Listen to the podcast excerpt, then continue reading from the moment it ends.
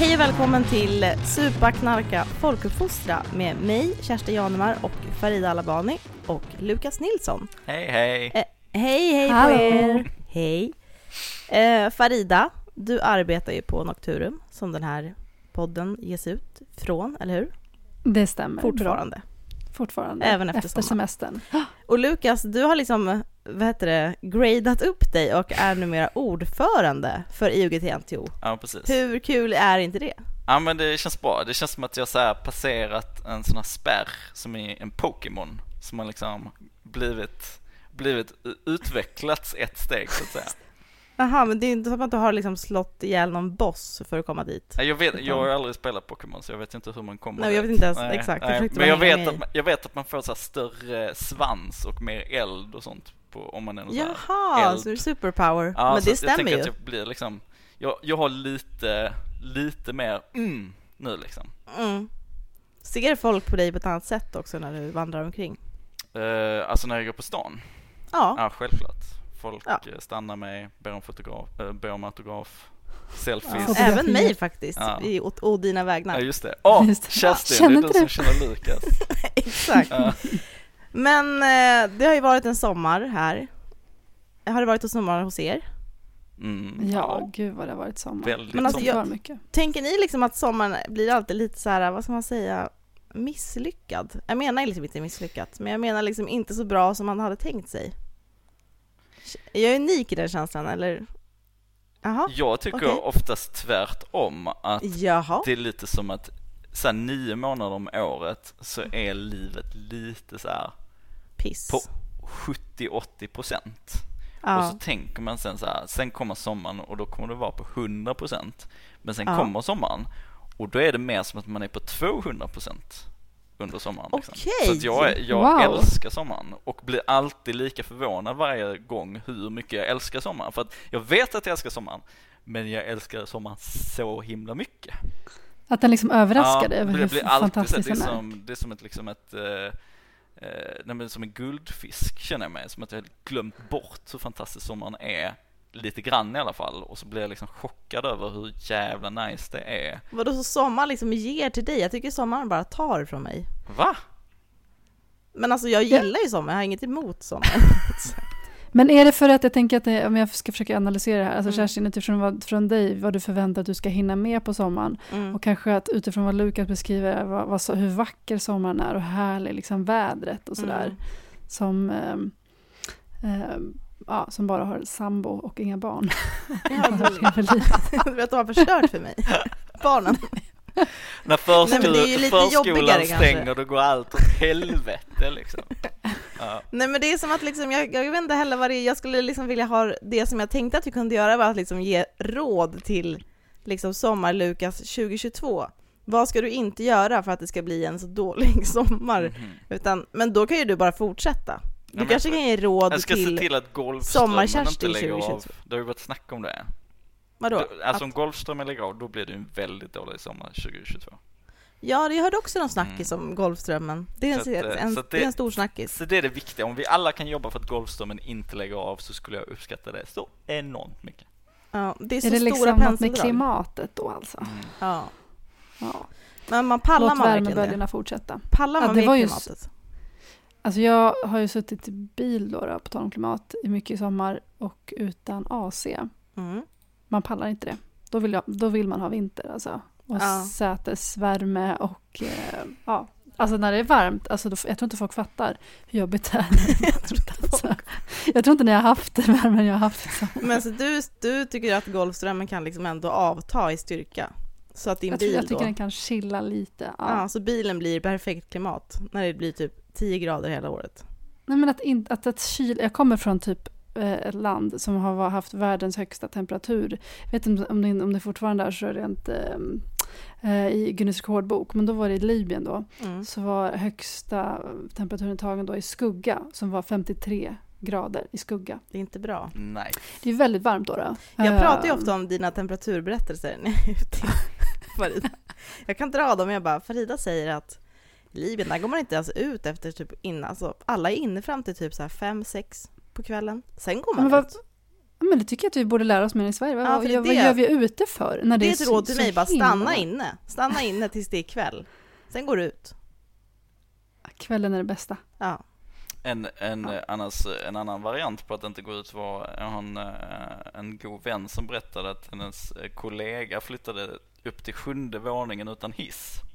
Och att den här Va? personen, Finns det? Ja. Är det nej lagligt? det är inte i Sverige, det är ett annat land. Ah, okej. Och eh, den här personen har liksom slutat dyka upp på typ jobbet, på, på liksom sociala grejer, helger, liksom den är bara, den bara bor i sin lägenhet hela tiden för att den orkar inte gå upp och ner för, för trapporna. Men för annars så säger man ju att man ska bo obekvämt för att överleva i längden. Alltså man ska liksom behöva hämta vatten, man ska behöva gå i trappor. Mm. Men då har den personen liksom trotsat Ja, även det, det. den kör väl, eh, den kör väl Foodora hem och sen behöver den aldrig, nej jag vet inte. Äh, fy fan vad jobbigt. Jag bodde i fyra våningar utan hiss, det var ju inte kul alltså. Ehm, så, ehm, men det är jobbigare också när, rent knäna att gå ner i trappor, för jag har hört att det är värre också. Och inte bara gå upp. Men hur alltså gammal rent- är du Farida? Du, du har inte knäproblem. Nej, Men i framtiden. Ja, du Alltså, tänker framtiden. tänka Men det är det jag framtiden. menar, du kommer inte ha, du kommer ha knäproblem för man bara åker hiss överallt. Men man ska ju inte överbelasta. Nu måste jag berätta en, en grej här kring, eh, känner ni till det här med att när man cyklar, Ja, man ska vet inte jag. cykla för mycket. För att det är liksom, då belastar man inte sina, sin kropp på det sättet som den behöver bli belastad. Så det är lätt, de som cyklar väldigt mycket, de har mer benskörhet än andra. Mhm. Oj. Mm. Så man ska ju helst liksom gå eh, och, liksom, och springa, men springa lagom, för att springa mycket det är ju inte heller bra för knäna. Så helst ska man ju typ vara som din kompis på sjunde våningen och chilla. Just det, man bara, vad den gör, rör inte cykeln eller dörrhandtaget. Dagens Ja, min- tips från Farida, folkhälsovetare. Folkhälso- Gör helst Sätt dig ner. ingenting. Sätt dig ner. och sup heller inte heller. Inte Ät någon. gott. Gör ingenting. Ät helst inte alls. Drick, drick kanske lite vatten. Det är det du göra. Överlev på För kärlek. minimer- det handlar om förebyggande. Alltså vi måste förebygga Ja. allt. Ja. Du måste så- framförallt förebygga glädje. Okej, men hörni, idag ska vi snacka om knark, Knark. droger, Dope. dope, Vad säger man? Dope. dopes, dopes. Dope. Nej men vi ska prata på det, om det här, liksom, om den här växande industrin, eller frågan kring cannabis och cannabisindustrin. Och det är liksom, jag har liksom både missat och tagit del av det här samtidigt. Jag vet att Farida, du har liksom lite mer större koll på just sådana här CBD-produkter som Mm. finns i typ, ja men vad ska man säga, typ hälsospektrat. Vågar man säga så? Ja. Sjuk, alltså sjukvård menar jag absolut inte, jag menar mer hudvård. Hudvård. Hudvård, ja. Jo men saker som folk vill kanske koppla till hälsa och till, till vård, alltså även hudvård är ju faktiskt ganska löjligt för alltså det låter ju som att det är eh, någonting som är eh, bra för oss, på, alltså så att det är liksom att man behöver det och att det, det är en vård för huden fast det är, eh, ja, det var ju någon sån grej som SVT hade nyligen eh, som en del har kritiserat, jag vet inte om ni har sett det men det var någon Jo. sån serie, Jo. har ni sett det? Nej, jag såg trailern. Ja, men det var någon sån typ eh, bästa huden, eller liksom de skulle göra någon sån form av så bäst i test om hud, olika hudvårdsprodukter. Exakt. Ja, och då kom de ju fram till typ att Nivea ändå var bäst. Där- Den här gamla Nivea-burken, ni vet, den här blåa Ja, som, som- man jaha, hade när man som- var ja. liten. Men var det inte typ som att det var lika, alltså typ så här, hade de, men jag vill säga bara, har ni provat margarin? Alltså, Ja, just det. allt handlar du om kör ju mycket olja. Du kör ju mycket olja bara och sådär. Nej men alltså Farida, det här jag tänkte säga, jag ska vara ärlig med det här med CBD-produkter och typ även överhuvudtaget hela, alltså hela hudhälso, jag har liksom försökt att avprogrammera mig från Ja. hudvård. Och därför går ju sånt här förbi, att liksom man kan, just för att det finns en kultur att man ska typ vårda, alltså som vi också kommer komma in på, alltså hela det här typ underlivsvård, typ Mm. eh, vårda din typ näshåla. Nej men liksom hur många ställen kan behöva vård i Mm. dagens Sverige? Jag undrar. Nej men det kan jag ju bli, jag blir trött, jag orkar Ja. liksom inte vårda mig. Då, Nej. jag, alltså jag torkar hellre ur och liksom är ful. det är min inställning. Ja, jag vet att du också har en sån, om jag får berätta det för folk här. eh, Du får säga stopp eller får klippa bort det här. Mm. Men just kring så här skönhet, det här med, att, att, med smink och sånt också. Att man vill ju inte heller, man vill att folk ska tycka att hur man ser ut som i, i grunden, alltså naturligt, är det som folk vänjer sig vid. Och inte, typ att, och inte tycka att när man då inte har sminkat sig, att folk då tycker att man ser trött ut. Att bara oj, vad du ser trött ut, för nu har du inte gjort hela din... Just, du har typ inte ritual, dina liksom. pigga ögon. Nej, men det tycker jag, men jag tror att det också, det är typ lätt att säga för någon som aldrig började sminka sig riktigt. Alltså om man var, en, jag var ju en väldigt arg tonåring på många sätt. Alltså det är typ det här med alkohol var fel, alltså allt var, jag tyckte allt var fel. Alltså Mm. Leonardo DiCaprio var fel. Alltså det tycker jag absolut inte idag.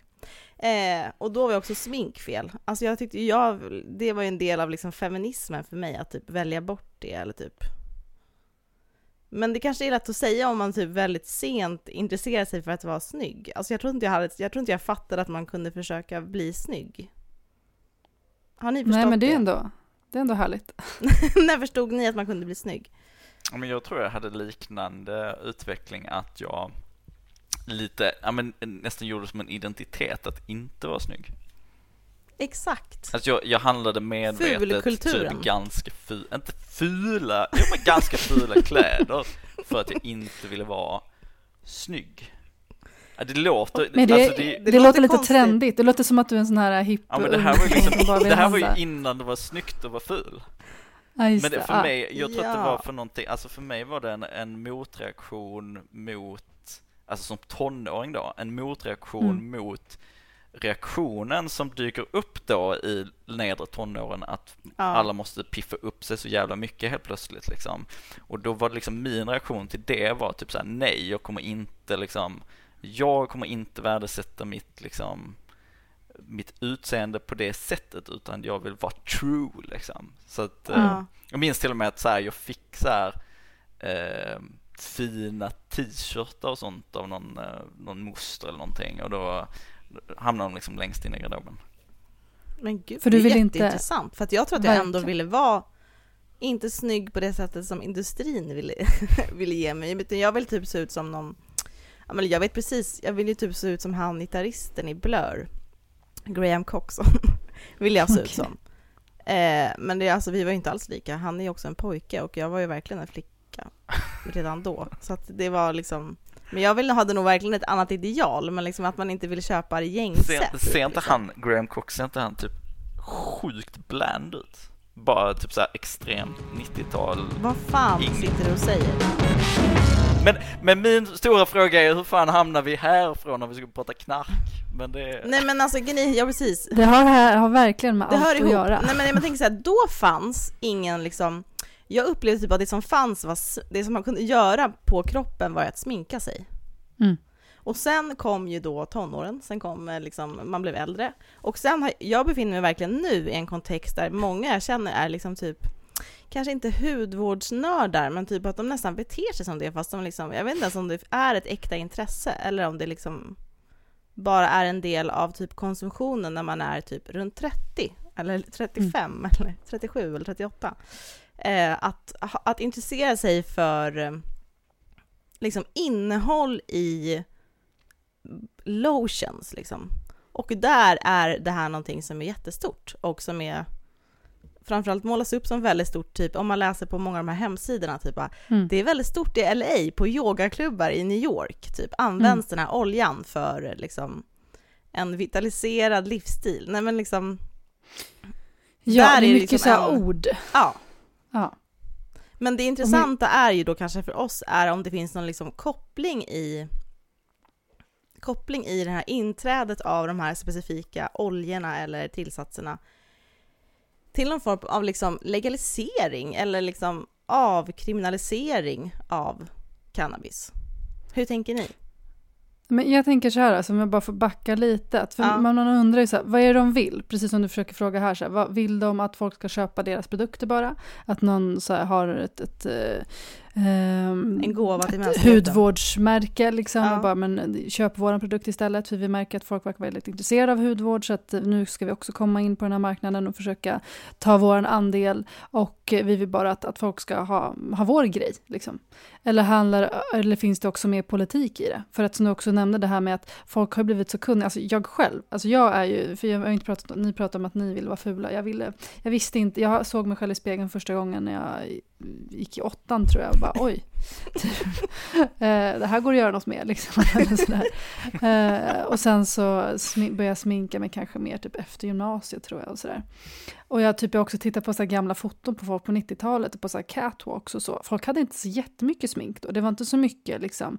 Det var inte som det är nu med typ det contour, det är foundation. Det är så många produkter och de Mm. produkterna har blivit fler. Jag liksom, det, lagret på ansiktena, alltså det har liksom, det, det började med någon mikromillimeter och så är det liksom. Textstift Det, liksom. Ja. ja men precis, det har blivit mycket mer i alla fall. Mm. Eh, och jag själv är ju väldigt exponerad för de här sakerna. För att jag, jag tittar ju på, använder ju um, sociala medier väldigt mycket och det är mycket där de är. Liksom. De här företagen försöker marknadsföra sig, där företag generellt idag försöker hitta nya kunder är ju via eh, sociala medier och så. Och då ser jag mycket av det här. Alltså jag har ju gått från en, eh, där jag bara knappt använde alltså hudvårdskräm, alltså på riktigt inte någonting, till att ha liksom en månadsbudget på min hudvård till en summa som jag inte ens kan nämna här Jo. för folk. men alltså, nej men det är för mycket pengar. Alltså Ja. det är, jag skäms. Ja. Eh, och, och typ jag såg någon produkt häromdagen som en kompis bara, men den här är jättebra liksom. En flaska som är, kostar 500 spänn. Och bara, ah, men den räcker i hur många månader? Jag har bara haft den här sen så här liksom. Om man ska rättfärdiga att köpa det. Så man inte riktigt helt vet varför man behöver, men att den räcker länge. Så då är det mer okej att köpa det. Och det innehåller någon så här, ja men någonting är Jojo och någon är BH, eh, BH-olja eller BH-produkt och någon syra eller AHA heter de. Så det är Baha och AHA och eh, eh, niacinamide till, alltså man känner sig som man bara, när läste jag mikrobiologi eller liksom till, eh, vad heter det, biomedicinsk labbtekniker. analytiker. Ja. Ja, jättemycket koll på de grejerna. Liksom. Och eh, hudvårdsindustrin har ju exploderat de senaste åren. Liksom. De, bara typ häromdagen så fick man läsa om att eh, eh, Rihanna har blivit en av de rikaste liksom, artisterna. Och det är inte på grund av hennes, hennes artistskap utan det är för att hon har eh, pengar i hudvårdsindustrin. Liksom, Eller har startat det här um, nya märket där. Liksom. Eh, Fenty Beauty. Mm. Jag lite reklam för det. Mm. Eh, som att det hjälper. Eh, så att det, det, det är därför hon har blivit så stor. Eller liksom de här um, Kylie Jenner, eller Jenner, eh, vad heter hon, Kylie Jenner tror jag. Mm. Som är ja, en av de Jenners. Och hon eh, har ju blivit miljardär på det också. På att sälja hudvård. Det är en jätteindustri. Eh, och därför är det intressant att prata om alltså, industrier, vad de ser för pengar och också då att det här är en ny produkt där man tänker att ja, men CBD kan vara något spännande, det är någonting som kan vara antiinflammatoriskt sägs det. Och så säger man till någon, någon känd eh, hudvårdsexpert, till exempel Kakan Hermansson, men vill inte du vara fronta våran kampanj för att folk har tillit till dig, förtroende för dina tips kring hudvård och vi har en fantastisk ny produkt, den är snygg flaska och den är effektiv. Du får 100 000 ifall du är med på den här kampanjen. Och hon säger, ja tydligen sa hon ja, för att hon är en, en av de stora frontpersonerna för en av de här äh, svenska cannabisföretagen ehm, som håller på med hudvård och så. Liksom. Och det bara sväljer folk. Alltså en person som ändå många har förtroende för och som de tycker är häftig och som har mycket, ehm, och, och med många fler, gör, de här, gör den här reklamen. Och för en produkt som inte många hade sett så mycket innan, eller CBD visste jag knappt vad det var för några år sedan och nu finns det överallt. Och det, du ska ha det på ansiktet och i fittan, överallt liksom. Mm. Ehm, Men vad är problemet då tycker du? Om det bara är en Är problemet- ofarlig olja som inte ger, om man kollar på deras liksom Vad är problemet FAQs? förutom att det är en sellout? Problemet är ju vad de, eh, om vi säger så här, gissa vilken dag som de lanserade sin produkt på. Eh, valde att göra en stor lansering av sina nya produkter på, alltså just en av de här företagen. Kladdkakans dag. Nej men det var, det var på den här stora cannabis, eh, legal, legalized cannabis-dagen, liksom, eh, i april det var då de kom ut liksom, och ville göra det här. Så det är inte som att de, de försöker både säga att så här, det finns ingen THC, det här är inte någonting som du blir hög på, men vi vill ändå koppla oss till en industri som, som både sysslar med, jag menar, saker som hudvård har ju varit mycket större liksom, i andra länder vad gäller cannabis, CBD och sånt, men också typ att dricka saker med, med, eh, eh, med THC eller liksom äta och sånt, det, det är ju, eller CBD är mycket större i andra länder och, och, man ser väl att den här marknaden finns i Sverige och kan bli ännu större, både i Sverige men också internationellt. Så att det är stora, när, när man fatt, märker att stora investerare lägger pengar i det här, då tycker jag att man ska höja på, liksom, på ögonbrynen och, och undersöka, men varför, varför är de där? Vad är de ute efter? Uh, och vi vet också att andra företag som har gått in i det här inte bara pratar om CBD eller så, utan de pratar också om lagstiftning. De pratar om hur det borde se ut. Även de här företagen säger att ja, men EU kommer förmodligen ändra den här lagstiftningen, vi kommer se förbättringar, det här kommer bli, bli lagligt senare och, och eh, vi jobbar för att, en förändring. Liksom. De jobbar med lobbying samtidigt som de säljer smink, liksom. eller säljer skönhetsprodukter. Det, det tycker jag är oroväckande och jag blir liksom arg och verkligen frustrerad. Alltså ni, jag, jag har skrivit till flera såna stora influencers influencers som jag, någon som jag känner och andra och bara varför marknadsför du det här? Och de vet inte själva. Bara, jo, men de har bara sagt det här och så var det någon som sa, skrev till mig, hon är en av de stora liksom, som håller på med hudvård, bara men gud Fredrik kan inte du skicka allt du vet? Jag visste inte det här och jag ska inte trycka så mycket på CBD utan bara på krämens känsla och effekt liksom. För att eh, eh, det, det handlar om pengar. Hon vill väl också klara sig och inte mm, missa tåget. Liksom. Så därför är jag tycker att det här är någonting som vi borde prata mer om och liksom inte bara låta gå helt enkelt. Eh, låta den här branschen få göra sitt. Och, och, och vilka är det som har målgruppen? I mycket av det vi pratat om nu så är det kvinnor unga tjejer och liksom, som både marknadsför, marknadsförs till att de ska konsumera, i stort bara att de ska konsumera saker, ännu mer grejer, som de kanske inte behöver, eller som de inte, jag menar, man behöver inte det här, vi klarar oss utan det. Uh, och att också normalisering av, av de här produkterna i, hos den här målgruppen som kanske innan inte hade varit så, inte är lika positiv till det, det vet vi också. Men det finns ju också hela den grejen att inse att kvinnor är en marknad, alltså tänka så här alkoholindustrin också, men, men att det är så jävla, jag vet inte, det känns som att uppfinna hjulet igen och det funkar typ varje gång. Att rikta sig mot kvinnor är typ en vidrig målgrupp. Mm. För de går också, eller liksom det finns så mycket köpkraft i... Exakt. Liksom, jag tänker på, alltså är det här en lögn så får någon stoppa mig för nu kommer jag sprida den. Men hela den här grejen med hur tobaksindustrin typ tog eh, bara, nu har vi, vi har typ killarna ett grepp, nu behöver vi nå ut till tjejer. Bara, vad finns tjejer? De finns i liksom typ suffragettrörelsen liksom och typ betalade folk för att gå och röka genom demonstrationståg. Det känns typ som, mm. man blir också typ ganska, man blir imponerad. Eller alltså jag kan också bli liksom så fascinerad av att bara shit ändå att man har liksom Alltså man själv är ungefär typ, li, man, är, man är ju lika dum. Alltså det är också så här, man dumförklarar ju typ hela samhället genom att hoppa på någonting som är men typ en scam eller som det här. Ja men det är liksom oförståeligt men väldigt vanligt att folk hakar på. Mm. Men det tänker jag hela grejen med att Alltså man, jag kan liksom inte låta bli att bli så här, men shit, att man har kommit på det här typ eh, on, ondskefulla eller typ att man har kommit på det här sjuka sättet att tjäna pengar. Alltså vad jag vet inte, det finns något, inte inspirerande kanske, men liksom någonting som ändå är så här. Jag vet inte, kanske jag, äckel. Men jag tänker att det visar ju ganska tydligt hur uh, produkter med framförallt uh, droger då, alltså oavsett, ja nu, nu kan vi ju diskutera om tobak är en drog, uh, men, men alkohol, tobak och, och narkotika är ju um, mer än den varan de är och det kan vi framförallt se i de lagliga drogerna men nu börjar vi också se det mer och mer i cannabis att det är ju en identitet och någonting som man skapar en, liksom en aura kring. Um, ja. Och det kan vi ju verkligen se med alkohol. Att alkohol liksom, i, historiskt sett eh, i de flesta samhällen så har alkohol varit någonting som varit väldigt manligt dominerat, förknippat med manlighet, förknippat med, med dominans och aggression och ta plats och makt och liksom den typen av grejer som, som ändå kommer från ett, eh, från ett alkoholrus. Och sen så har man, uh, ja, uh, för ganska länge sedan i västvärlden och ganska nyligen i eh, delar av det globala syd så har ju liksom alkoholindustrin insett att vi missar 50% av vår marknad om eh, alkohol blir associerat allt för mycket med eh, liksom en manlig grej och så har man börjat mm. marknadsföra sig på ett visst sätt och det är samma med cannabisindustrin ser vi nu, alltså allting händer ju lite snabbare nu. Eh, men mm. i cannabisindustrin i, i, i Nordamerika ser vi ju väldigt tydligt att en av de grupperna som de trycker hårdast mot i sin marknadsföring är ju eh, unga mammor. För att så här, konsumtionen kan ligga ganska högt upp i en grupp och sen så blir de föräldrar och då bara sjunker konsumtionen jättemycket. Så att cannabisindustrin mm. riktar sig otroligt mycket till att säga så här, förmedla budskapet att en hög förälder är en bra förälder. Just det. Vilket är ju helt eh, absurt. Men, men eh, det är ju en, eh, det är ju en eh, sidopoäng.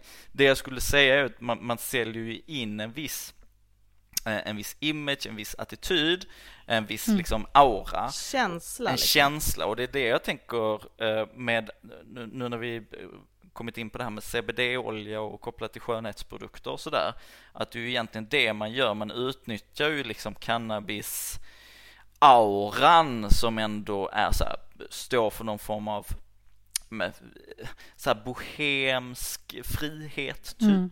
Eh, mm. Någon form av renlevnadstanke, vilket är ganska absurt, men det finns ju liksom de eh, strömningarna i cannabisvärlden.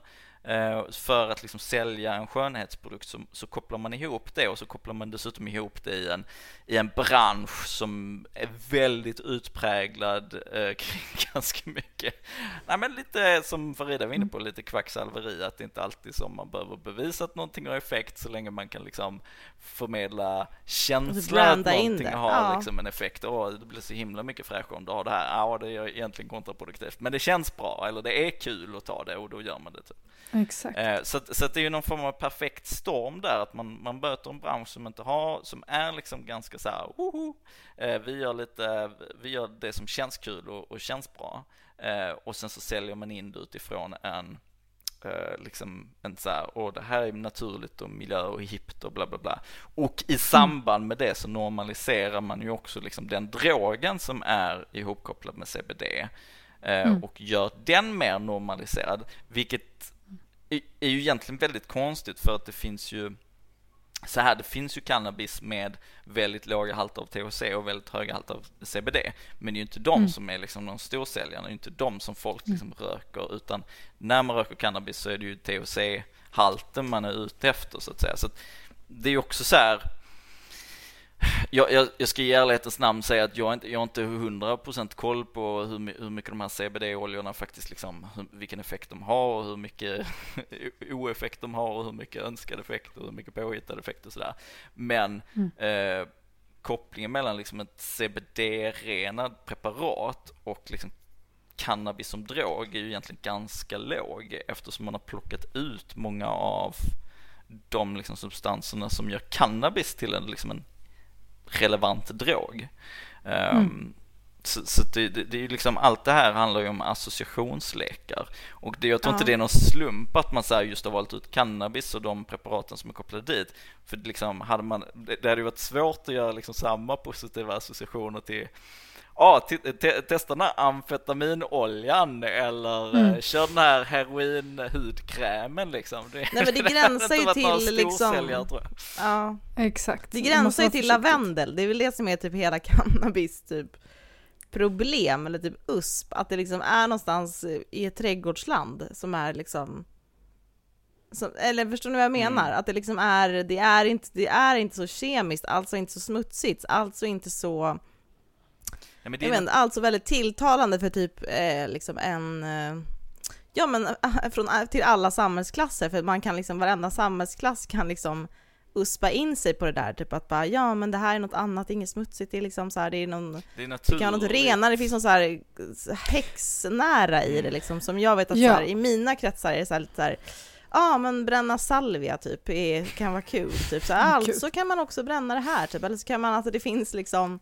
det passar in i, ja, det, i liksom. det, det, kopplar liksom lite an till typ så här vaccinmotståndare som tittar på en sån här innehållsförteckning. Bara ja. kolla, det är massa kemikalier i vaccinet. Man bara, ja allting är kemikalier liksom. Det, bara för att någonting är organiskt betyder inte att det är liksom mer eller mindre bra liksom. Nej, men jag tänkte säga för att det är också samma, just det, det är också många som är cannabisförespråkare, liksom, eller som också specifikt också vill legalisera och vill um, avkriminalisera, pratar ju mycket om deras hat till läkemedelsindustrin. Man säger det finns en industri, de tjänar på oss och det är sjukt, de ska inte få tjäna pengar på oss liksom, på det här sättet och det här, vi kan läka oss själva liksom. Och sen samtidigt så kommer, äntrar så här, den här industrin, alltså att ens säga cannabisindustri till exempel, gör ju många personer arga, för de bara det är ingen industri. Hur kan, typ så här, jag skrev en artikel någon gång om det. Ja, ja, Det, är liksom, det är människor som, det finns inte, hur kan ni prata om att det är någon lobbying eller så? Hur har ni mag att göra det liksom? Personer mm. då som, som har en annan åsikt. Um, fast det, det finns ju jättemycket pengar, jag menar bara i de här svenska företagen så är, ju, är det ju liksom alltifrån Voi-grundare till andra som lägger mycket pengar eller liksom ja, Krys före detta grundare som har lagt miljoner i det här. Det är inte några, alltså, ja, Nej men vad heter han, eh, artisten som har lite eget bruk av tobak i, vad heter han nu, um, som har odlat tomater och tobak, vad heter han nu? Ste Nej, Stefan svensk, Sundström. Svensk, Stefan Sundström. Alltså det är ingen Stefan Sundström.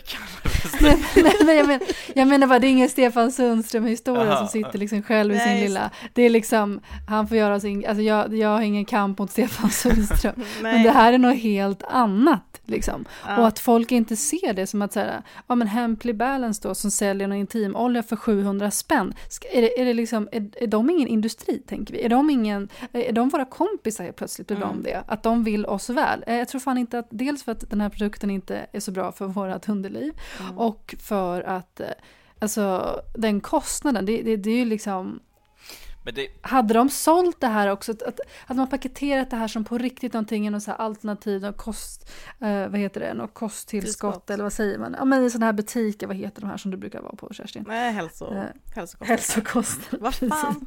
Vilken outing av Kerstin är. Sån eh, storkonsument på Body Store eller Body Shop. Ja, men, exakt. Typ. Men jag tänker, Nej, men att, jag, jag tänker att det bara... handlar så mycket om association och det är ju det som, alltså i det här på något form av liksom postmoderna samhället som vi lever i så handlar ju allting om identitet och vad man associerar.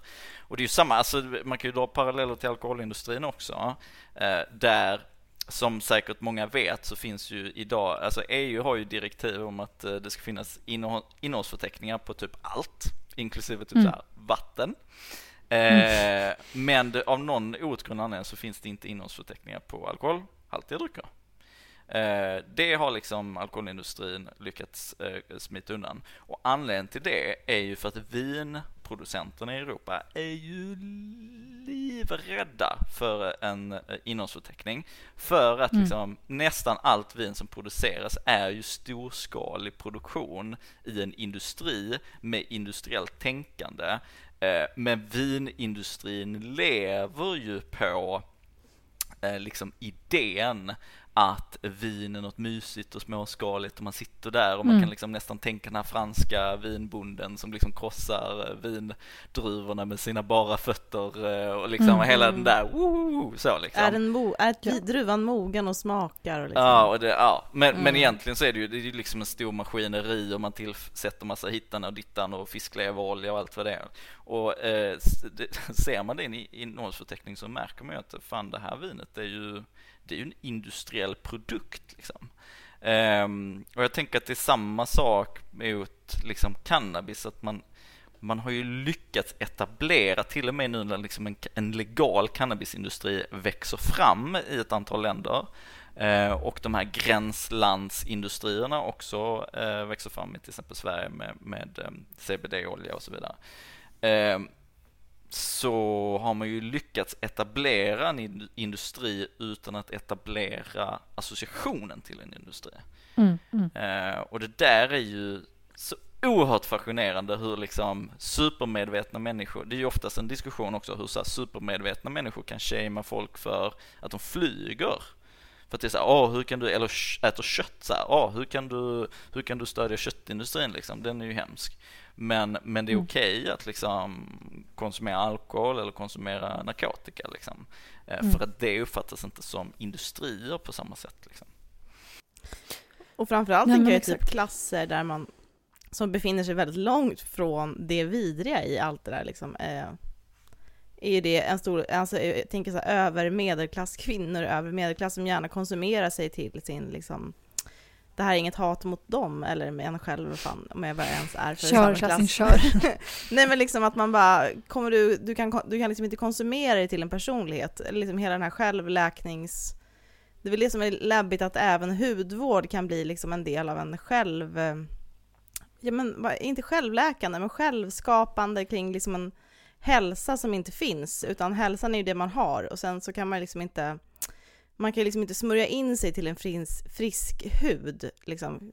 Väl? Nej men alltså det var också vad som är friskt och inte. Det är som att vi ja. måste typ, har man rynkor så är det ofriskt liksom. Det var ja. någon sån, alltså någon person som jag, som jag också följer väldigt mycket, så var det någon som bara, men gud nu har jag tagit den där krämen och jag trodde att jag hade en bekymmerrynka men nu den här krämen så är det borta så det var ingen rynka liksom, jag har ingen rynka. Och så bara, men vad fan om du har rynka, vad är, vad är det för farligt med det liksom? Att, mm. att, att vi, vi, för om vi också går tillbaks till också frågan som du ställde, vad är, vad, vad är problemet ifall det här inte är skadligt eller inte liksom? Det är som man kan prata ibland om snusindustrin eller sådär, att, att, som också går på väldigt hårt och försöker hitta de här hålen som jag pratade lite om innan, för att marknadsföra sig till nya målgrupper och också kvinnor framför allt. Det är liksom, de har precis samma tekniker, det handlar om identitet och allt det här. Och, det, och, och, och sen, då är det inte alltid intressant för mig bara att prata om men vilka negativa effekterna har de här produkterna, utan jag vill också prata om vilka positiva effekter har de? Oftast inga.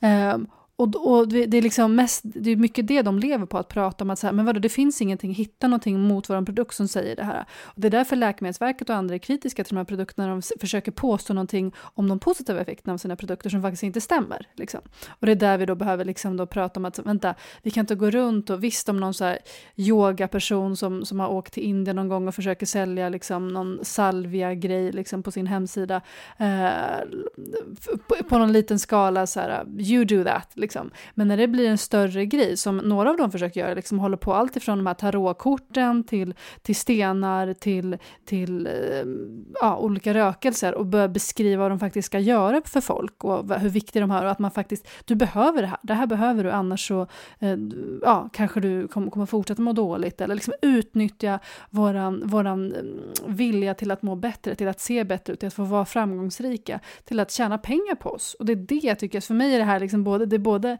feministiskt och anti, en, en feministisk och antikapitalistisk kamp eh, för att, som man för mot de här företagen, liksom, som försöker sälja på oss eh, strunt helt enkelt. Så det handlar inte bara om att säga, men vadå, då har du, kan du ge mig forskningsrapporten om allt det här, utan bara ge mig forskningsrapporten om varför jag behöver det här.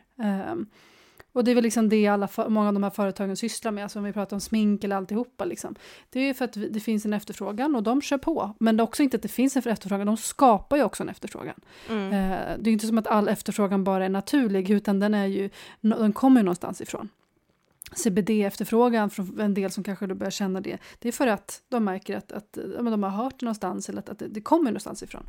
Men det var kul att läka, jag läste någonstans att Läkemedelsverket avrådde till och med för användning eftersom det kunde vara så mycket tungmetaller i den här oljan. Ja men exakt. Det tyckte jag ändå var, det tycker inte jag rimmar liksom med eh, den konsumenten jag ser framför mig som liksom droppar i munnen. Droppar in lite bara mm. Ja men det är väl, då blir det så här kollodialt silver och sånt, det blir jätte ja, men det är... liksom.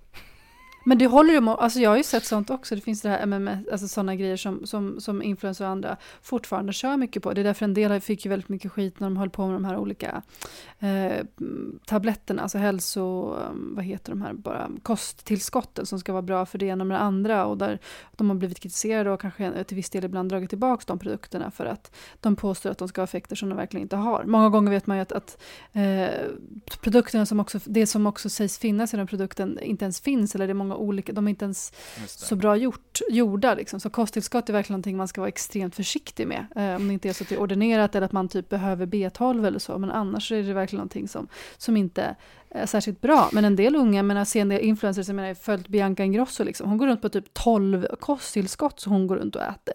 Mm. Det är eller säger att hon äter läskigt. i alla fall. För att, ja, som ja. säger, men, hon, nej, men man har ju sett bara, det här är min dosett. Mm. Liksom. Mm. Typ 20, 25 år och går runt med en dosett. liksom. What the hell? Men det som är intressant också, det är ju att skönhetsindustrin är ju verkligen en industri som bygger på den här premissen, ja men testa man kan ju alltid testa och som du var inne på Mm. Frida, eh, ah, men det är ju i alla fall inte bevisat vara skadligt så då kan man ju testa liksom. Eh, så, och så, så uppmanar man att testa ditten och datten och man ska testa det ena pill- kosttillskottet och kuren och så.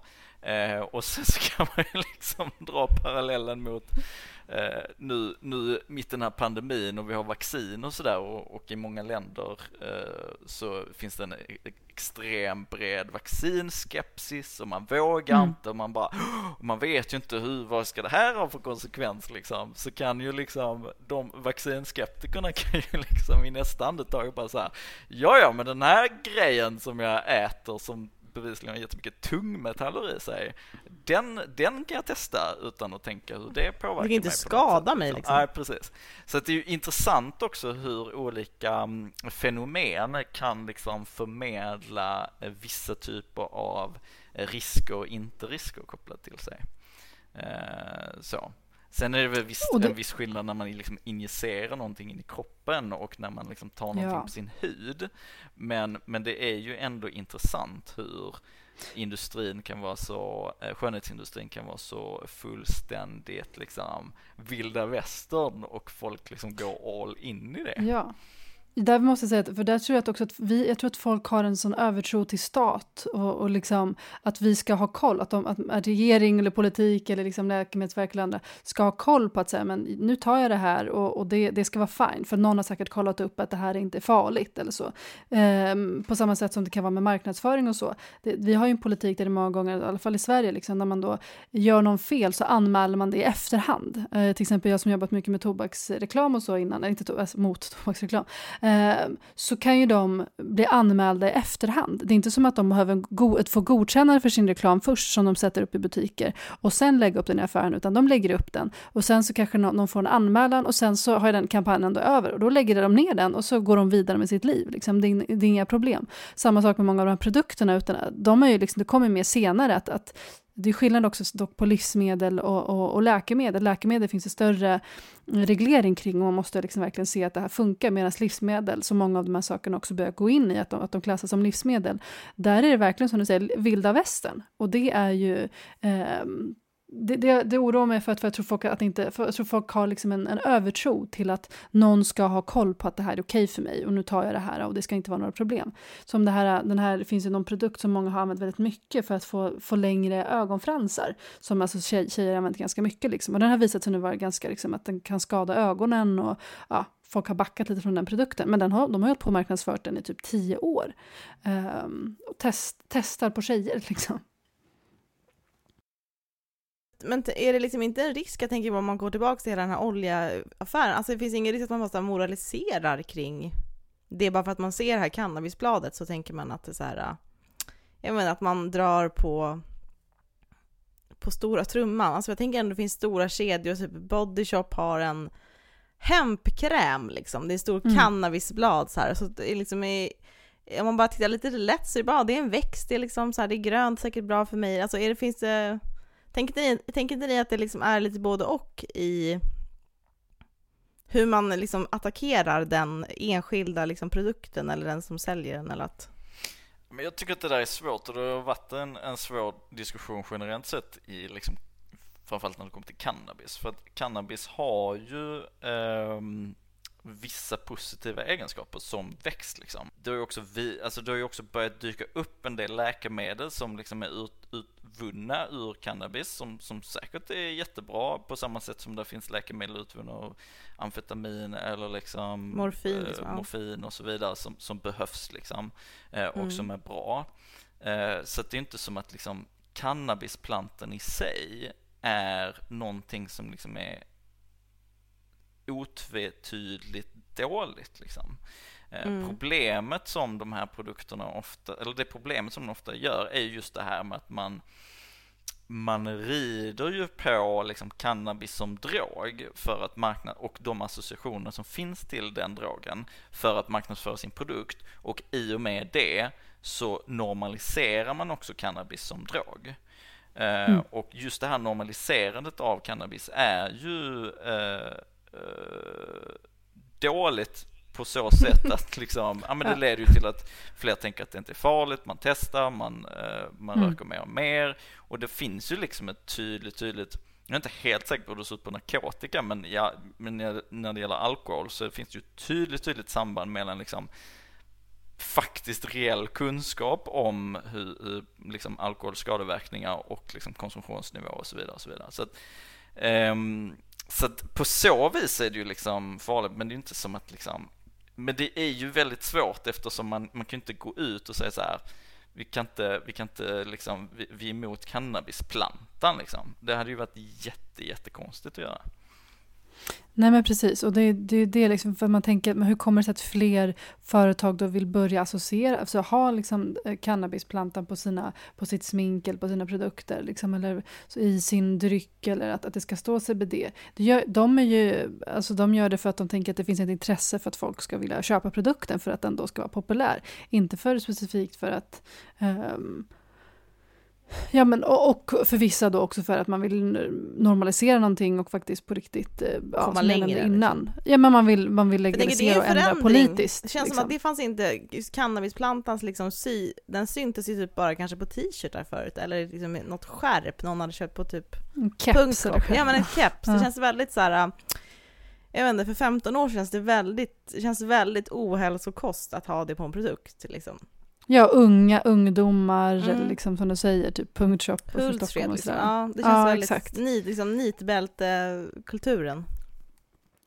Exakt, och nu försöker man då hitta en, en ny eh, grupp som då kan tycka att det här är... Det fanns ett sånt program, jag vet inte om ni såg det, som SVT hade, som liksom bara försökte prata om så här, men eh, som två eh, kända profiler, en journalist, eh, hade på tv, där de liksom åkte runt i USA bara för att prata om eh, se bara, men vad är cannabis eller inte, liksom, och där de ändå visade sig väldigt positiva till, liksom redan innan kanske, ja, från början då ändå kände att ja men hallå, borde vi inte legalisera? Det finns ju de, de, de vinnarna redan i Sverige nu, jag menar fler partier också som pratar om det, eller även ungdomsförbund, som, eller en del ungdomsförbund som har pratat om det längre. länge. Alltifrån att legalisera till att avkriminalisera och att, och att Sverige ligger efter och gud, vi måste göra någonting. För att man faller, faller efter eh, det man ser. Liksom. Jag menar, Mm. om ni kollar på Netflix till exempel, det är ju en kanal som är också extremt eh, cannabispositiv. Liksom, det finns jättemycket cannabisdokumentärer som är positiva liksom, i deras program och annat.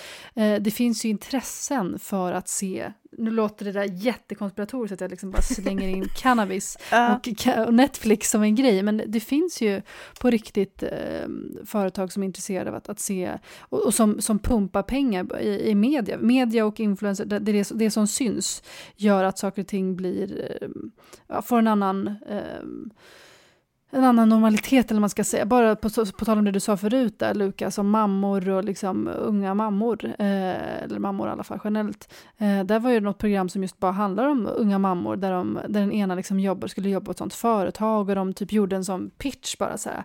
Nej, det här är vad, vad folk säger med industrin är inte sant. Och jag kände bara så här, men oj, är det här program eller försöker de typ smygmarknadsföra liksom cannabis på ett positivt sätt? Det kändes superudda att det skulle bara komma in där som en sån ehm, by the way-grej. Liksom. Mm.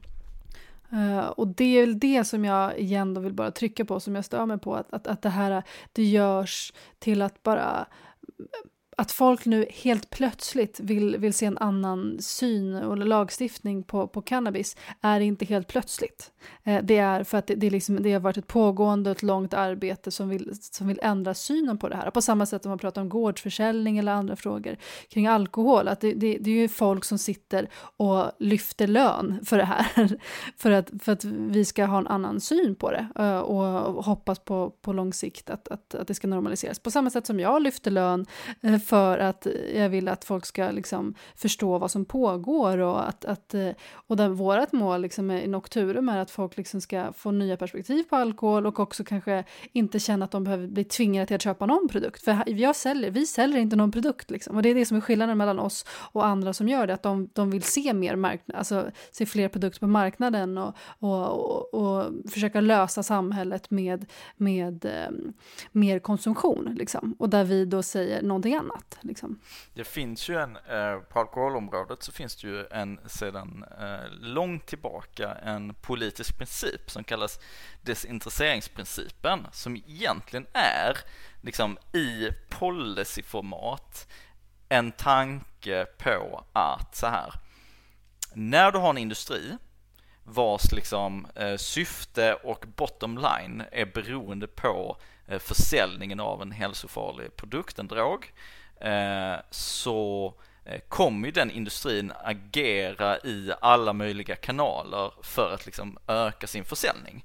Det är ju inget, mm. det är liksom ingen konspiration, det är ju så en liksom fri kapitalistisk marknad fungerar och beroende lite på vad man har för liksom politisk åskådning i livet så, så kan man ju tycka det är mindre bra eller mindre dåligt men, men det är ju ett obestridligt faktum att det är en sån marknadsekonomi fungerar att så här, mm. säljer jag en produkt, jag vill tjäna mer pengar eh, på en öppen marknad då, då kommer jag använda de verktygen som finns för att liksom påverka människor och samhället så att jag kan sälja mer av den produkten. Um, och vad man gjort eh, sedan länge eh, på alkoholområdet det är ju att just tillämpa decentraliseringsprincipen där man sätter typ så här, okej, okay, vi har en industri, vi vill ändå ha alkohol på marknaden, men vi vill inte att det intresset ska vara involverat i försäljning, i politiskt beslutsfattande etc. etc. vad gäller liksom um, vad gäller liksom den här varan för att varan i sig är farlig och vi vill inte skapa ett system där liksom den här varan, där det finns liksom ett inbyggd, man underhåller, man underhåller mm. liksom en cykel mm. av att liksom pusha ut mer och mer av den här produkten. Liksom. Eh, och därför finns det desintresseringsprincipen som idag, och, och det känns som att så här, när man pratar om det på alkoholområdet, så, så, så, så, köper liksom folk den tanken. Det är ju därför vi har Systembolaget till exempel. Vi vill inte ha liksom eh, alkoholindustrin som, som liksom säljer direkt till kund så att säga. För då kommer de försöka sälja mer och mer. Utan då har vi Systembolaget som inte har något vinstintresse som liksom monterar ner det eh, vinstintresset mellan kund och eh, producent. Liksom. Eh, men det känns som att den principen känns mm. extremt främmande när vi pratar eh, cannabisindustrin. Som Farida var inne på, kanske inte ens mm. ses som en legitim industri utan mer än någon Nej. form av muspus eh, liksom konglomerat. Mm. Och det är ju extra intressant att just den analysen inte görs för att om man tittar på Nordamerika så är det framförallt inom den politiska vänstern som cannabislegaliseringen har drivits på. Och att man mm. inte har lyckats liksom koppla ihop det av liksom en industri och vad som händer när man skapar en industri, eh, legal industri, med en drog som sin produkt. Eh, och liksom reklam, politiskt beslutsfattande, försäljning och att liksom de, mm. de liksom kontaktytorna ut till samhälle, medborgare och kund naturligtvis kommer liksom den här industrin använda för att liksom, eh, få sälja mer och mer av sin produkt. Eh, och det har ju till och med den här stora organisationen i USA, um, DPA, alltså Drug Policy Alliance, de gick ju ut för några månader sedan och till och med sa så här, vi ser stora problem med cannabislobbyn i mm. um, amerikansk politik. Mm. Uh, som liksom driver på för avreglering och driver på för liksom, som hotar liksom människors liv. Uh, och då är det här organisationen som varit den absolut starkaste och mest aktiva organisationen i att faktiskt skapa den industrin genom mm. att legalisera eh, drogen. För antagligen mm. gissar jag för att de ändå varit liksom, många av dem varit idealister och inte sett den här problematiken, inte sett vad som händer när en industri eh, kommersialiseras, till, produceras och kommer liksom till en marknad. Mm.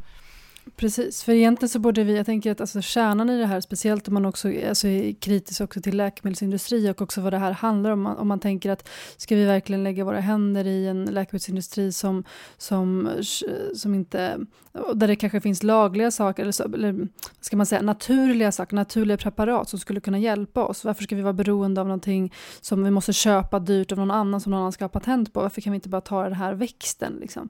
Uh, och där det, för mig, eller alltså, utifrån vad jag, hur jag tolkar lagen eller politiken så är det också så att Eh, varför vi också har, jag menar jag är jättekritisk till, till många saker som läkemedelsindustrin gör. Liksom, och, och, vi behöver ju förändra den snarare. Liksom, och många gånger kanske förstatliga väldigt mycket där, tycker jag personligen. Men också att det handlar om att vi vill ju att folk ska få, sig, få i sig säkra saker helt enkelt. Och det är väl det som också blir, man, man bara, alltså om man ska vara ansvarsfull som, som stat eller som politiker och andra att, att tänka att men, om man ska låta allting bara gå, då som att folk då ska få röka på hur som helst eller så och sen inte ta ett ansvar för konsekvenserna om vi redan från början vet om att om folk gör, eh, gör det här hemma och försöker läka sig själva hemma med väldigt starka preparat så kan det gå hur som helst. Eh, och istället att säga att men det här, nu har vi liksom rent eh, på ett labb ungefär kollat vilken dos som kan vara liksom Eh, vettig för dig att ta utifrån dina smärtor eller vad det nu kan vara, eh, ta den här tabletten. Det är bättre. Liksom. Eh, men då, först, då kan man ju också höra hur folk då tänker att så här, jaha, så jag ska hellre ta en tablett än göra det här röka hemma som, som funkar jättebra för mig och som jag kan få av snubben på torget. Varför ska jag inte, varför ska jag inte göra det istället? Liksom? Eh, men som inte är så säkert, du vet inte vad det innehåller, vi vet att de här sakerna, produkterna eller, eller eh, cannabisen har blivit väldigt mycket starkare de senaste åren och, och att, att, eh, det finns ju mycket bakom det också för varför man ska vara för försiktig kring det. Jag tycker att man ska vara försiktig med båda. Liksom. Jag, jag, vill inte, jag förstår mångas intentioner ifall jag också ska försöka se det från folks håll som, som ändå är positiva till avkriminalisering och till, till produkten i sig. Om vi inte bara ska prata om lagen men till produkt, produkter i sig. Så, så måste man också se, precis som du sa, att folk är naiva till vad en avreglering eller en, en legalisering skulle kunna innebära. Att, att det, det, är klart att folk då som precis de här nu har redan visat att de, de är villiga att satsa miljoner på att få, uh, få äga marknaden och få, få uh, bli den nya industrin helt enkelt som kanske kallas någonting annat men det är en annan typ av läkande uh, industri. Eh, varför är den mycket bättre? Liksom? Eh, ska vi inte förbättra det vi har än att öppna för fler? På samma sätt som man pratar om med alkohol som vi vet, som många också tycker är ett stort problem. Att men gud, alkohol är ett stort problem, vi behöver eh, legalisera cannabis. Liksom. Det är ju mycket, mycket bättre än alkohol. Och så bara, ja, men ska vi inte minska problemen med alkoholen och, än att bara ja, låta allting, allting gå? Mm. Det är naivt. Men, men, men, men jag tänker typ så här hela den här grejen att vad man, alltså det här med vad som är säljande, vad som är, jag tänker bara hela kopplingen till liksom vänsterrörelsens del i typ legaliseringen i vissa stater i, mm. i USA är ju jävligt intressant med tanke på liksom hur vänstern ofta ställer sig till industrier eller till köpkraft eller till liksom konsumenter som typ måltavla. Så du tänker, jag vet inte om så här, har samhället blivit för liksom, kommersiellt så att man bara, nej men det, kommersialismen är liksom, man har liksom redan drunknat i den. Så nu är det liksom, plock, tror folk att de liksom bara plockar typ, ja men typ såhär russinen ur kakan. Jag liksom, I det här flödet av kommersialism typ och alla produkter och så här, tillskott eller vad som helst i alla, alla möjliga liksom, kategorier så tror man liksom att eh, ödet ungefär har fått en större roll för att det, jag har liksom, jag nåddes av den här enskilda produkten och den är bra för min hudton typ, för då ska den göra det här. Att det blir liksom som en, eh, ja men liksom, man, det kommersiella har liksom spelat ut sin roll för att det, det är, det är liksom hela vårt samhälle i, det är liksom helt indränkt i det så att man ser inte, man ser inte ens det själv. Tänker inte ni att det kan vara liksom som en det har gått varvet mm. runt. Man kan liksom inte vara kritisk till en industri om man är en del av industrin. Man kan liksom inte... Men det, det, det är väl just det där det postmoderna samhället där till och med att vara antikommersialist är kommersialiserat. För då ska du liksom, mm. då ska du ha en tygpåse som, stå, som signalerar att du minsann inte uh, använder plast. Eller liksom ska Exakt. du ha en konken som visar att du, du är så jäkla medveten. Du gillar naturen. Du gillar naturen. Alltså, så att det, mm. allting är ju på något sätt kommersialiserat um, i sin identitet. Um, mm. Och det kan man ju naturligtvis tycka vad man vill om. Jag är ju inte liksom någon vänsterradikal som tycker att liksom marknader i sin grund är dåliga mm. eller att liksom Eh, jag är väl egentligen ganska positiv till att liksom folk eh, till liksom fri företagsamhet och, konkurrens och sådär. Men, men eh, Men jag tänker bara liksom Det- begreppet den medvetna konsumenten är ju fel. Den är ju liksom, den är ju felvriden på något sätt. Men den är ju felvriden för att vad fan är en medveten konsument egentligen? Och ja, är det vem ens, kan vara det? och är det, ja, precis, är det ens möjligt att vara en medveten konsument? Som sagt, alltså det är ju helt absurt hur många gånger man som liksom nykterist eh, träffat veganer eh, som, in, som dricker alkohol liksom. Och man bara, men Mm. hur går det här ihop i din moraliska liksom kompass? Men på samma Mm. sätt, jag menar fan titta på mig. Jag dricker inte alkohol men jag äter jävligt mycket kött liksom. Det går inte Mm. ihop i någon form av moralisk kompass heller om man tänker att liksom ehm, Men liksom är den kompassen kan, finns, kan man liksom, jag äter ju inte kött då, men jag handlar ju kläder på H&M till Mm. exempel. Också. Nej, och, och, Ja. och, så här, och då är min Man slutsats vill så inte här. Jag tror, jag, det, tror inte men- man, ja. jag tror inte man kan komma ifrån liksom en viss nivå av kommersialism. Sen kan man diskutera vad är skillnaden mellan att vara nykterist och vegan och eh, finns det liksom Mm. eh, vissa signalvärden eh, som är viktigare än andra och så vidare. Men jag är ju inte nykterist för att jag tror att min konsumentmakt har så stor inverkan. Jag tror, däremot så tror jag att de normer som jag ifrågasätter genom att vara nykterist, där finns ett väldigt stort värde. Och sen så är jag naturligtvis inte intresserad av att ge ett öre till alkoholindustrin, men det är ju inte på grund av att jag avstår från att konsumera alkohol som jag tror att jag kommer förändra världen, utan det är ju alltså gentemot industrin, utan det är ju i liksom i relation till andra människor på något sätt. Men Mm. min poäng är det här att så här, det är väldigt, väldigt svårt att vara en medveten konsument. Det är omöjligt att vara en medveten konsument. Men det vi kan göra på samhällsnivå det är ju att, det, att det finns faktiskt vissa industrier som är mer relevanta att liksom reglera än andra. Eh, och eh, då är liksom läkemedelsindustrin ganska relevant att eh, reglera. Eh, drogindustrin, vare sig det handlar om alkohol eller om det handlar om, om man nu vill räkna tobak som en drog, jag gör inte det personligen, men okej. Eh, då de är relevanta att reglera. Alltså det finns ett antal olika industrier som faktiskt på grund av produktens Eh, liksom natur och art är relevant att reglera. Och det är ju inte något som eh, som, som borde liksom vara en borde vara liksom en politisk fråga egentligen.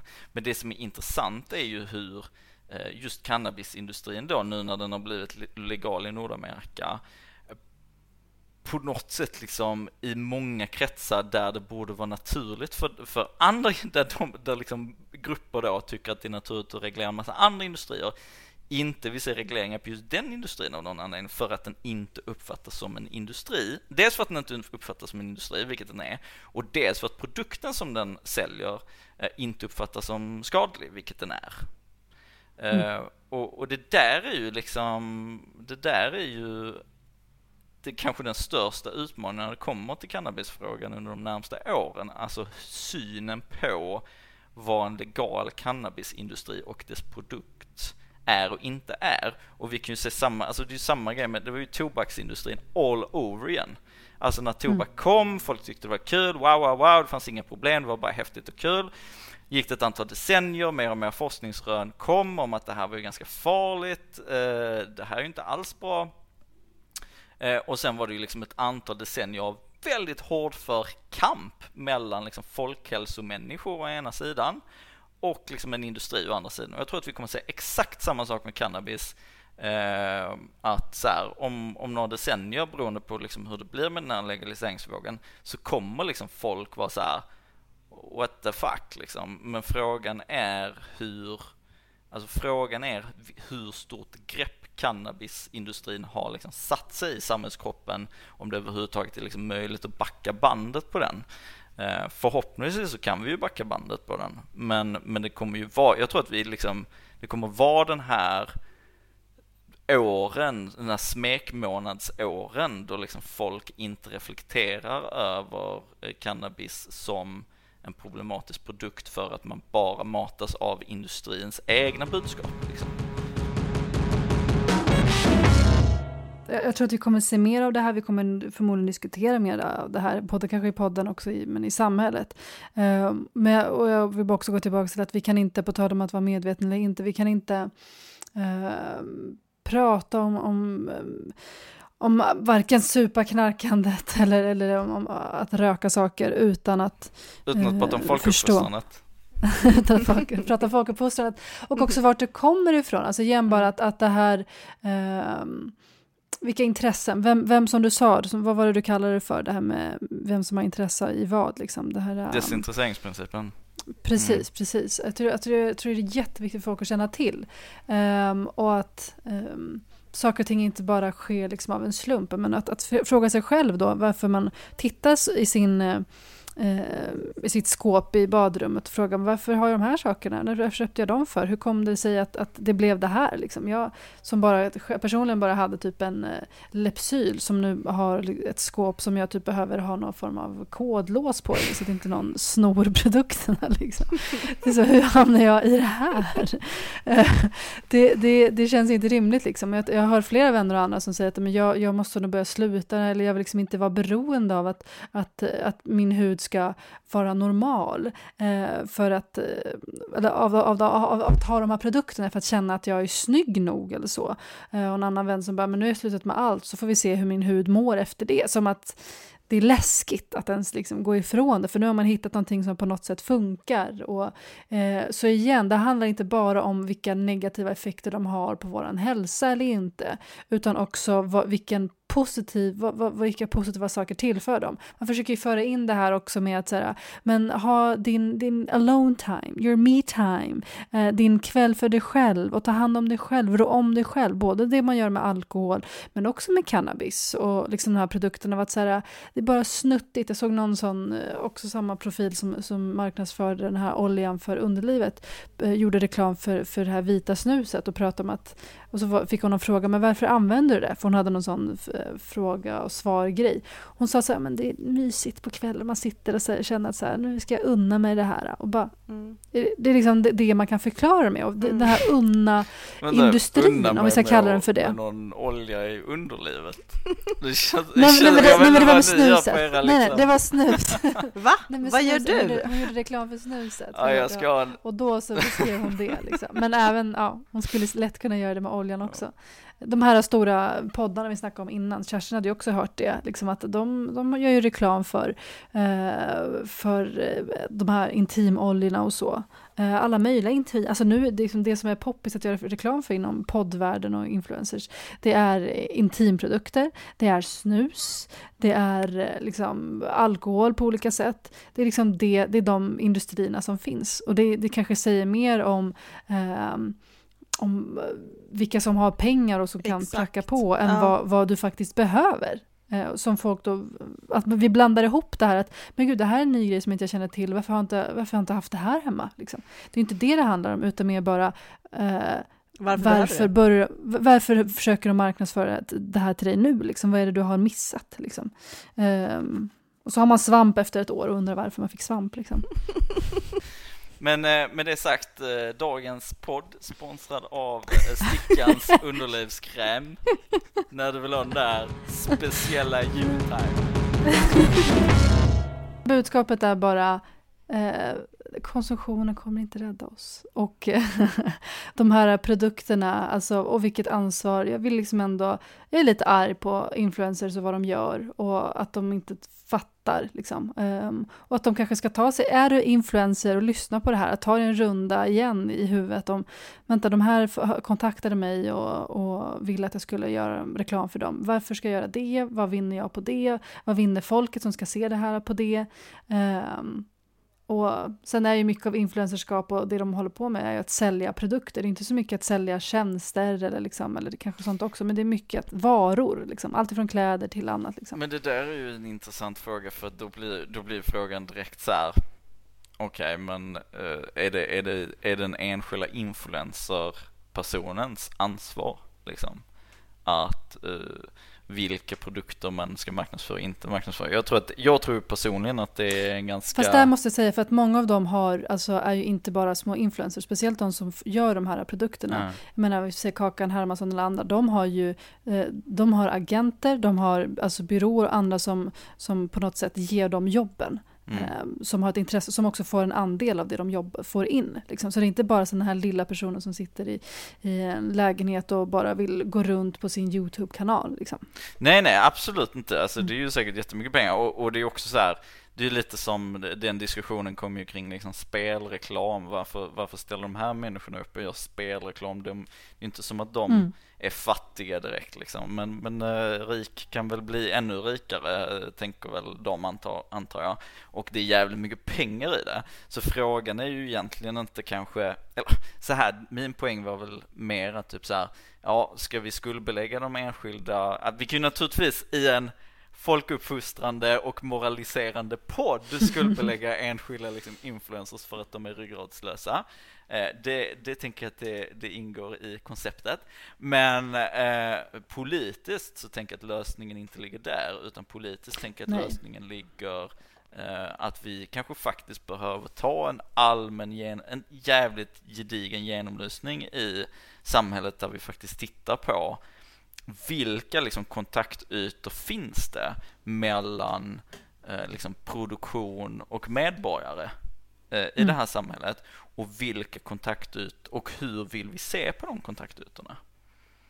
Eh, för att det där, jag tycker att det där är så intressant och det sätter också, nu kan jag gå in i en lång harang om det här som jag inte ska göra för det, det kopplar också an till vilka kontaktytor finns till exempel mellan civilsamhället och medborgare idag. Och vi, där Mm. jag uppfattar en tydlig trend där liksom civilsamhällets kontaktytor blir mindre och mindre legitima medan näringslivets kontaktytor till medborgaren blir mer och mer legitima. Och då är frågan, vill vi verkligen ha ett samhälle där eh, kontaktytorna mellan liksom samhällets liv och den enskilda medborgaren mer och mer styrs av näringslivsintressen och mindre och mindre av till exempel idéburna intressen eller för Mm. den delen offentligheten. Liksom.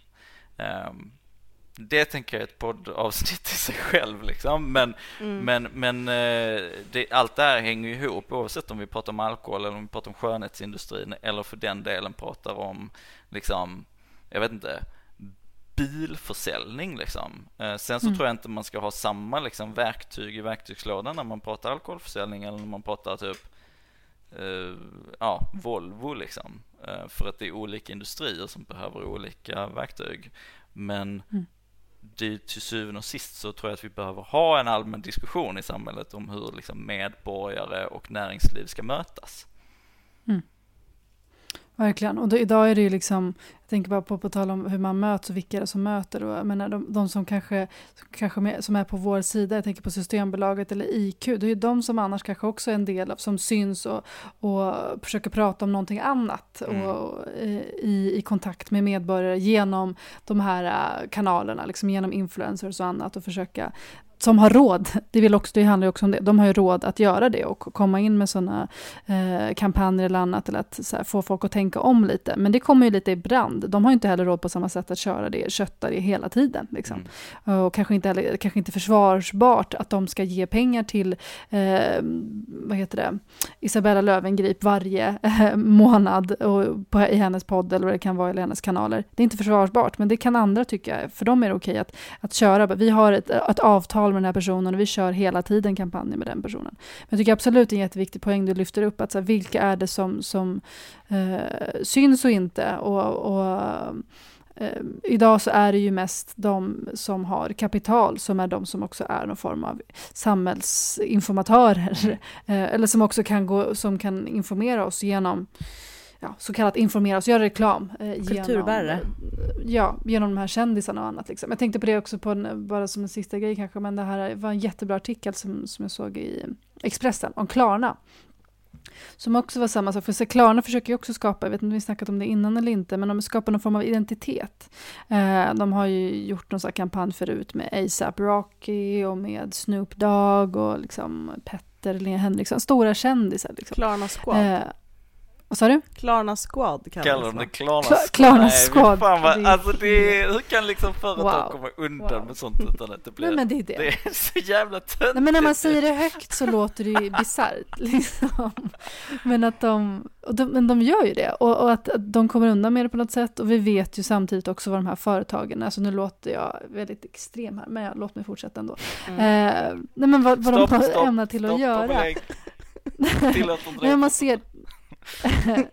Nej, men den här artikeln var väldigt bra, skriven av en Essie Klingberg som skriver i Expressen.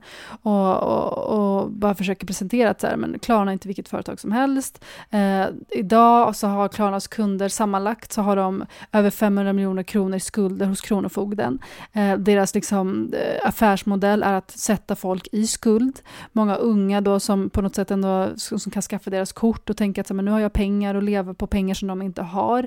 Är det här verkligen någonting som, som Eh, vi ska prata om som att det är vad som helst? Liksom? Eh, det finns eh, banker och så finns det andra typer av banker eller som har Klarna-kort.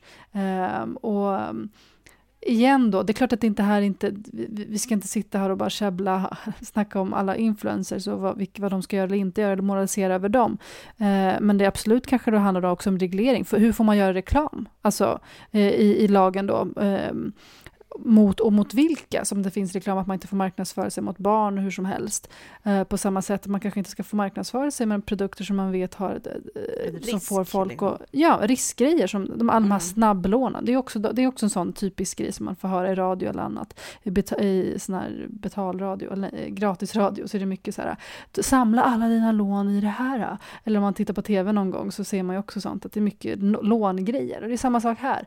Eh, och igen, vi, det, det, det är inget hat mot specifika influencers, men det är väl mer bara att eh, vi behöver, om vi inte kan få dem att förstå vilken fara det är att de gör reklam för de här sakerna så behöver vi ju reglera det genom att förbjuda reklamen, eh, helt enkelt. Som om vi vet att den produkten är skadlig. Sen som vi inte vet att, att produkten i sig då är skadlig eller hur som helst, hur det kommer fram, det är som du skrev där Lukas, att så här, vi behöver ha lite mer lite mer, ehm, inte bara låta det gå hur som helst.